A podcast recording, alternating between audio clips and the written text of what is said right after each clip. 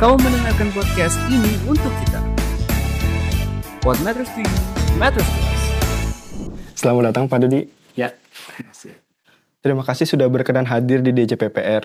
Hari ini kami bermaksud untuk menggali informasi dari Pak Dudi, selaku pegawai dari Direktorat Jenderal Perimbangan Keuangan, mengenai aspek-aspek pembiayaan kreatif di dalam hubungan keuangan antara pemerintah pusat dan pemerintah daerah atau bisa kita sebut HKPD.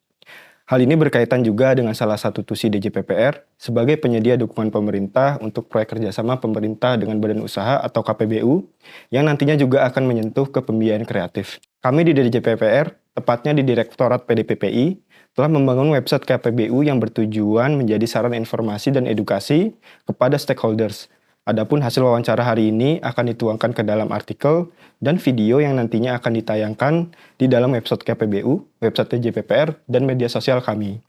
Untuk menghemat waktu, mungkin kita bisa memulai wawancaranya, Pak. Uh, kita tahu Pak Dudi ini kan di DJPK sering berhubungan dengan pemerintah daerah ya, Pak. Berdasarkan pengalaman Bapak berhubungan dengan Pemda tersebut, bagaimana pandangan Bapak terhadap kemampuan fiskal daerah secara umum? Dalam memenuhi kebutuhan eh, pembangunan infrastrukturnya. Ya, terima kasih Mas Novian atas undangannya. Uh, bicara masalah kapasitas fiskal daerah di Indonesia ini uh, sangat tidak merata, ya, terutama untuk daerah-daerah uh, luar Jawa. Bahkan secara nasional pun, kalau kita bandingkan dengan negara yang se-ASEAN aja ya, dengan Filipina, Singapura, Thailand. Ya masih jauh Pak, masih jauh ya. Dan uh, kami memang juga uh, menghitung uh, peta, peta kapasitas fiskal daerah. Ya dari hasil penelitian kami memang uh, kapasitas fiskal daerah, terutama untuk mendanai infrastruktur itu uh, masih sangat minim. Ya. Apalagi misalnya kalau pemda-pemda di luar Pulau Jawa itu masih sangat masih sangat kurang bagus lah. Seperti itu sih pengamatan kami. Berdasarkan penjelasan Pak Dudi tadi, uh, menurut Pak Dudi, kira-kira Pak, apakah saat ini sudah cukup apabila Pemda tadi hanya menggunakan cara-cara biasa atau tradisional untuk uh, mengadakan infrastrukturnya? Atau sebenarnya uh, Pemda ini memerlukan cara-cara yang tidak biasa atau non tradisional, Pak? Kira-kira pendapat Pak Dudi gimana ya, Pak? Nah ini, Pak. Saya sering ngobrol ya dengan Pemda, termasuk dengan pimpinannya nih, dengan bupati, wali kota, maupun uh, dengan perwakilan gubernur. Kalau bicara masalah pendanaan, mereka itu selalu mengharapkan dana-dana yang gratis gitu. ya ya ya kalau di DJP kan yang mengalokasikan transfer ke daerah ya. Ya mereka berharapnya dari DAU, DAK dan sejenisnya. Karena dengan dana sumber tersebut tidak ada beban tuh buat mereka untuk mengembalikan juga untuk menjaga hubungan baik dengan uh, dewan ya. Karena kalau dengan dewan kan kalau misalnya membalikan ya mereka akan repot ya. Sementara di luar dana-dana dari TKD yang kreatif itu pasti ada kewajiban untuk kembalikan. Ya kalau kita bicara jujur ya, kalau hanya mengandalkan TKD ya nggak akan maju daerah. Begitu-begitu aja gitu ya. Sehingga kalau menurut kami, ya mereka harus mau nggak mau harus memikirkan sumber-sumber dana yang lain di luar TKD, yaitu dana-dana kreatif tadi ya, baik itu dalam bentuk pinjaman KPBU maupun juga penerbitan surat berharga seperti obligasi maupun sukuk. Cuma sekali lagi eh, buat sebagian besar Pemda sumber-sumber dana kreatif itu sepertinya bukan pilihan yang utama. Itu pilihan yang terakhir gitu ya. Karena itu menyangkut nama baik dia, baik itu di dewan maupun kepada masyarakat. Ya, seperti itu sih yang saya amati. Saat ini kan kita sudah tahu ya Pak, sudah diterbitkan Undang-Undang Nomor 1 Tahun 2022 tentang HKPD ya Pak. Ya. Nah, berkaitan dengan hal tersebut sebenarnya eh, instrumen apa saja sih di Undang-Undang HKPD itu yang dapat digunakan Pemda untuk eh, membantu eh, pembiayaan pembangunan infrastruktur di daerahnya? Eh, apakah di dalam undang-undang tersebut ada instrumen-instrumen untuk pembiayaan kreatif, Pak? Ya, memang Undang-Undang Nomor 1 tahun 2022 ini yang HKPD itu adalah upaya pemerintah untuk memberikan terobosan. Kenapa uh, saya sampaikan terobosan? Karena uh, undang-undang tersebut, undang-undang HKPD itu hasil masukan dari berbagai pihak. Ya. Karena kan uh, seperti diketahui bahwa pembiayaan kreatif itu hambatan utamanya rata-rata nih dengan dewan. Ya. Setiap daerah akan melakukan pembiayaan baik itu pinjaman maupun penerbitan surat berharga kan harus ada persetujuan dewan yang secara parsial gitu. Maka di Undang-Undang HKPD dan di RPP uh, eh, harmonisasi kebijakan fiskal, uh, nasional HK atau RPP HKFN itu diatur disederhanakan jadi eh, persetujuan dewan itu dibahas pada saat pembahasan RAPBD. Ya.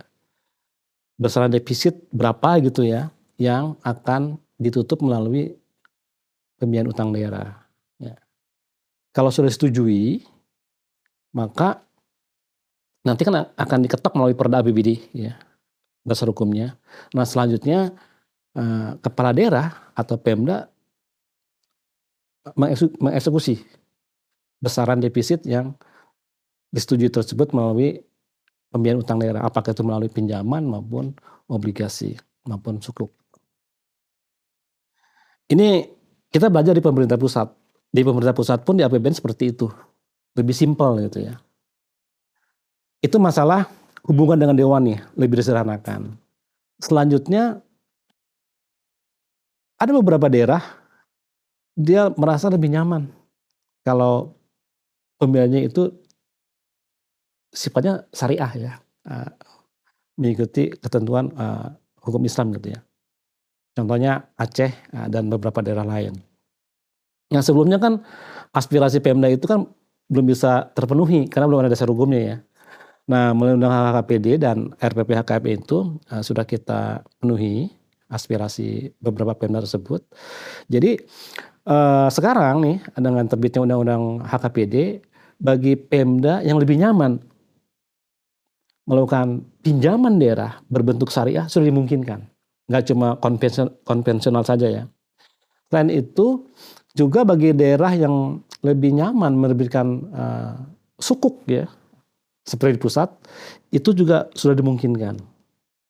Dan diatur juga baik itu pinjaman, obligasi maupun suk daerah itu diprioritaskan untuk mendanai proyek-proyek infrastruktur.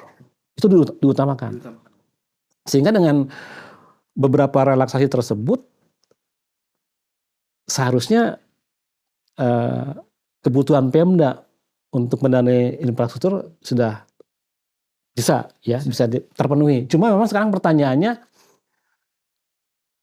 kepala daerahnya.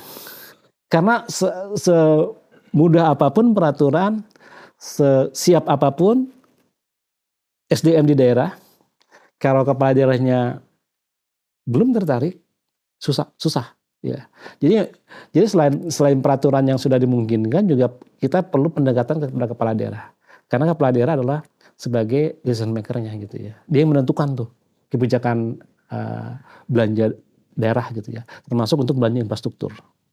Seperti itu, Mbak. Untuk di Kemenq sendiri, apakah nantinya akan terdapat uh, evaluasi untuk implementasi implementasi pembiayaan kreatif tersebut di daerah, Pak?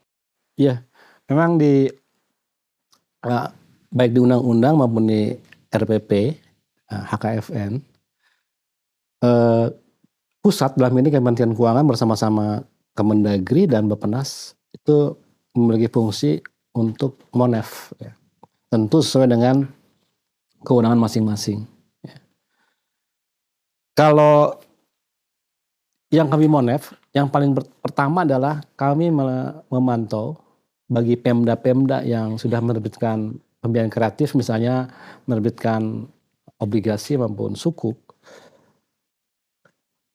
kami cek apakah di dalam masih masih tahap RAPBD nih ya belum jadi APBD. Kami cek apakah mereka dalam APBD-nya itu sudah menganggarkan kewajiban Pemda kepada investor. Baik itu untuk pembayaran pokok maupun bunga atau imbal hasil. Kalau belum, kami ingatkan. Karena jangan sampai hak-hak investor itu terganggu. Sangat bahaya itu ya. Kalau sampai Pemda tidak membayarkan yang menjadi haknya investor. Bahkan di dalam undang undang-undang maupun HKPD itu diatur bagi pemda-pemda yang tidak menganggarkan itu dapat dikenakan sanksi berupa penundaan hak-hak keuangan daerah, terutama untuk kepala daerah dan anggota dewan selama enam bulan. Selama enam bulan. ditunda tuh hak hak keuangannya sampai mereka menganggarkan. Itu adalah upaya-upaya kami untuk memastikan atau untuk uh, melakukan evaluasi terkait dengan kewajiban Pemda.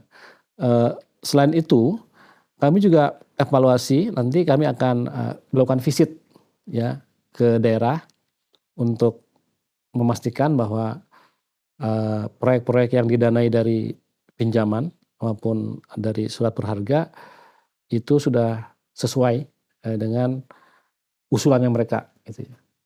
Tapi memang yang lebih detail sih itu uh, BPK ya. Cuma kami hanya memastikan bahwa mereka sudah uh, bekerja antara perencanaan dan pelaksanaan itu sinkron gitu ya. Tidak berbeda. Tapi sekali lagi Kementerian Keuangan, Kementerian Dalam Negeri maupun Bappenas akan melakukan uh, monet sesuai dengan tusinya masing-masing berbeda-beda. Tapi kami berkolaborasi gitu.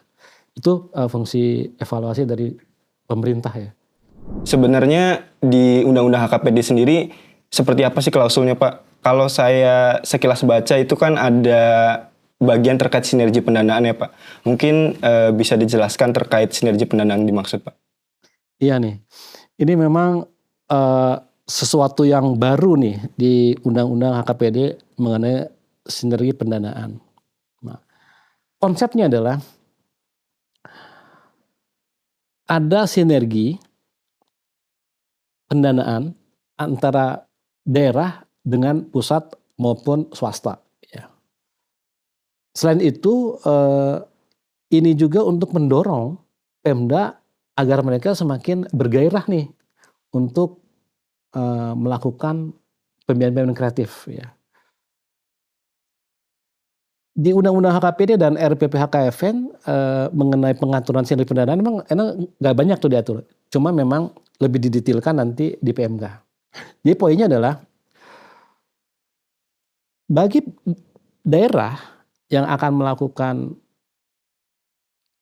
pembiayaan baik itu berbentuk pembiayaan utang maupun KPBU itu dimungkinkan. Sekali lagi dimungkinkan nggak dipaksa ya. Si daerah itu membuat perencanaan master plan gitu.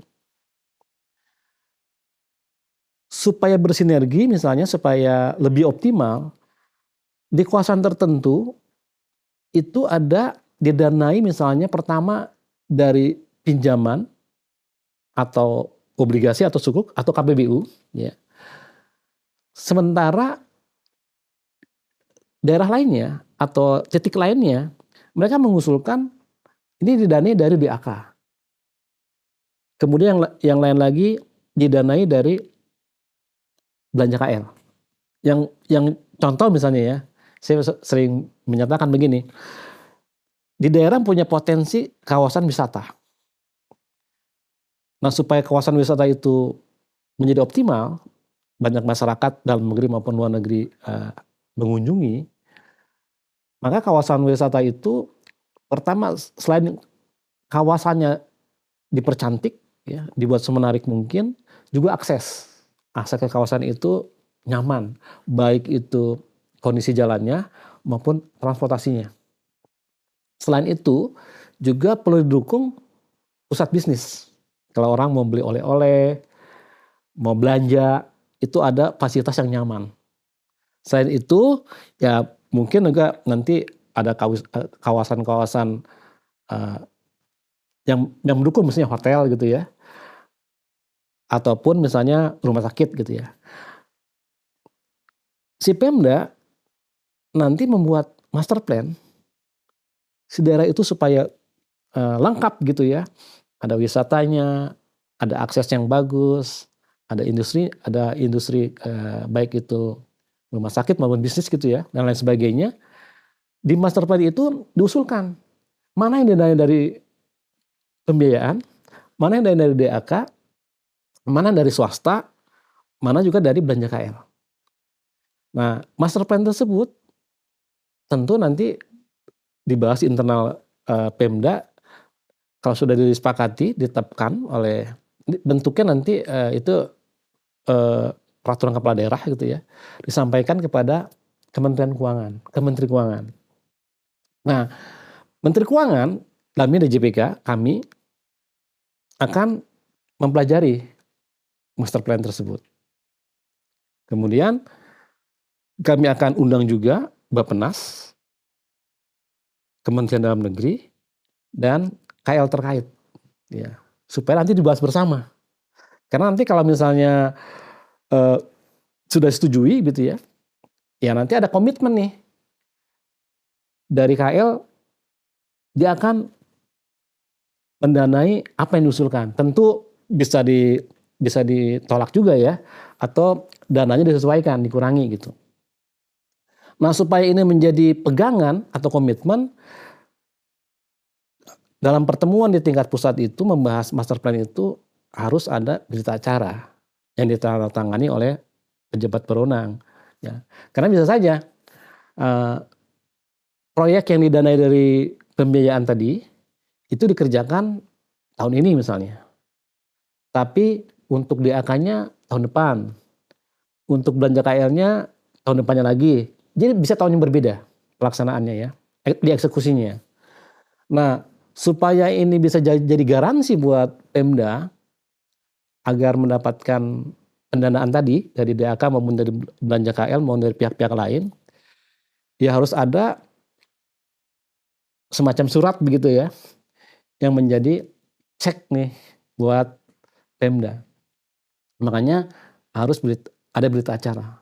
Yang begitu misalnya nanti disepakati misalnya DAK untuk usulan master plan ini didanai tahun 2025. Nah, nanti pas pembahasan tahun 2025 itu sudah dipastikan. DAK untuk daerah ini, DAK tertentu ya sesuai dengan temanya, udah pasti dapat tuh dari itu. Kemudian jadi belanja KL misalnya tahun 2026 misalnya ya, hasil diskusi ini ya. Maka belanja KL komitmen tuh akan memberikan pendanaan untuk uh, proyek yang sudah dibahas bersama di master plan tadi. Nah sekali lagi ini uh, sinergi pendanaan ini adalah dalam rangka memberikan insentif, semacam insentif kepada daerah uh, bagi daerah-daerah yang mau melakukan pembiayaan. Dimungkinkan ya. Tapi kalau Pemdanya mau pinjam memberikan obligasi KPBU dia tidak mengusulkan uh, sinergi tadi ya nggak apa-apa juga. Ya. Berarti itu pilihan dari pilihan sendiri ya Pak. Pilihan ya, ya supaya Pemda semakin uh, tertarik gitu ya untuk menggunakan sumber-sumber pembiayaan kreatif untuk infrastruktur gitu. Ya, itu. Untuk ke depan ini apakah DJPK memiliki rencana atau program ya Pak uh, untuk lebih mendorong lagi ya Pak atau uh, rencana dan program itu akan dituangkan di yang tadi Bapak sebut sebagai RPP, HKFN dan PMK-nya nanti Pak? Oh iya, kalau RPP dan eh, PMK memang itu sudah menjadi target kami ya. kalau RPP kan saat ini posisi sudah di Bapak Presiden untuk ditetapkan uh, karena uh, minggu kemarin itu para menteri sudah parap ya menteri dan menteri sudah parap Bapenas maupun Megang Perekonomian termasuk Menteri Keuangan itu udah paraf di setiap lembar RPP dan sekarang udah di uh, di setnek untuk diproses ke Bapak Presiden. Ya target kami sih ya paling paling lambat mungkin uh, September ini RPP itu jadi PP kan. Nah, turunan dari PP itu kan PMK. Kami juga sudah memiliki uh, target bahwa begitu PP ditetapkan ya paling lambat 2-3 bulan itu PMK PMK-nya sudah ditetapkan. Bahkan kami ya berharap lebih cepat dari itu. Karena memang sejak uh, eh, RPP itu di, dibahas secara paralel di internal Kementerian Keuangan, kami di JPK juga sudah disiapkan ya, dibahas bersama-sama dengan kementerian lembaga lain uh, eh, RPMK-nya. Jadi begitu uh, eh, RPP ditetapkan, maka PMK segera menyusul gitu ya, supaya itu uh, sebagai dasar hukum pelaksanaannya sudah lengkap gitu ya. Itu adalah upaya-upaya kami untuk proses percepatan. Terakhir, ya. apa harapan Bapak dengan telah diterbitkannya Undang-Undang HKPD RPP nantinya terkait HKFN dan RPMK-nya. Kaitannya dengan pemenuhan kebutuhan infrastruktur di daerah. Ya, harapan kami sih ini kan semakin jelas. Karena dasar hukumnya sudah ada. Mulai dari undang-undang, PP, maupun PMK. Sehingga ketika kami eh, bersama-sama tentu berkolaborasi dengan eh, kementerian lain, itu semakin enak, ya, semakin nyaman ketika kami melakukan sosialisasi. Karena sudah lengkap dasar hukumnya. Dan tentu eh, pihak donor pun uh, semakin uh, semakin tertarik ya untuk memberikan bantuan-bantuan pendampingan-pendampingan kepada Pemda. Termasuk juga Pemda uh, semakin siap karena dasar hukum sudah sudah lengkap. Ketika dia nanti berbicara dengan dewan, menganggarkan di RPBD, dasar hukum sudah lengkap.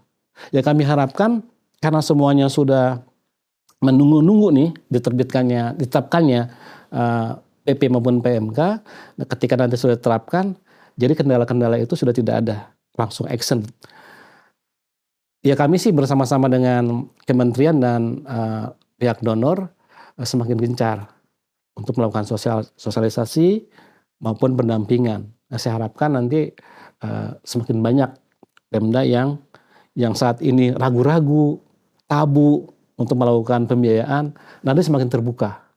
Karena di Kementerian Keuangan kita sudah memberi contoh kan DJPWR menerbitkan uh, suku, SBL dan sebagainya. Ternyata kan tuh baik buat pembangunan. Eh, kami harapkan juga nanti mindset daerah itu bisa belajar dari Kementerian Keuangan bahwa melakukan pinjaman, pembiayaan itu bukan sesuatu tabu.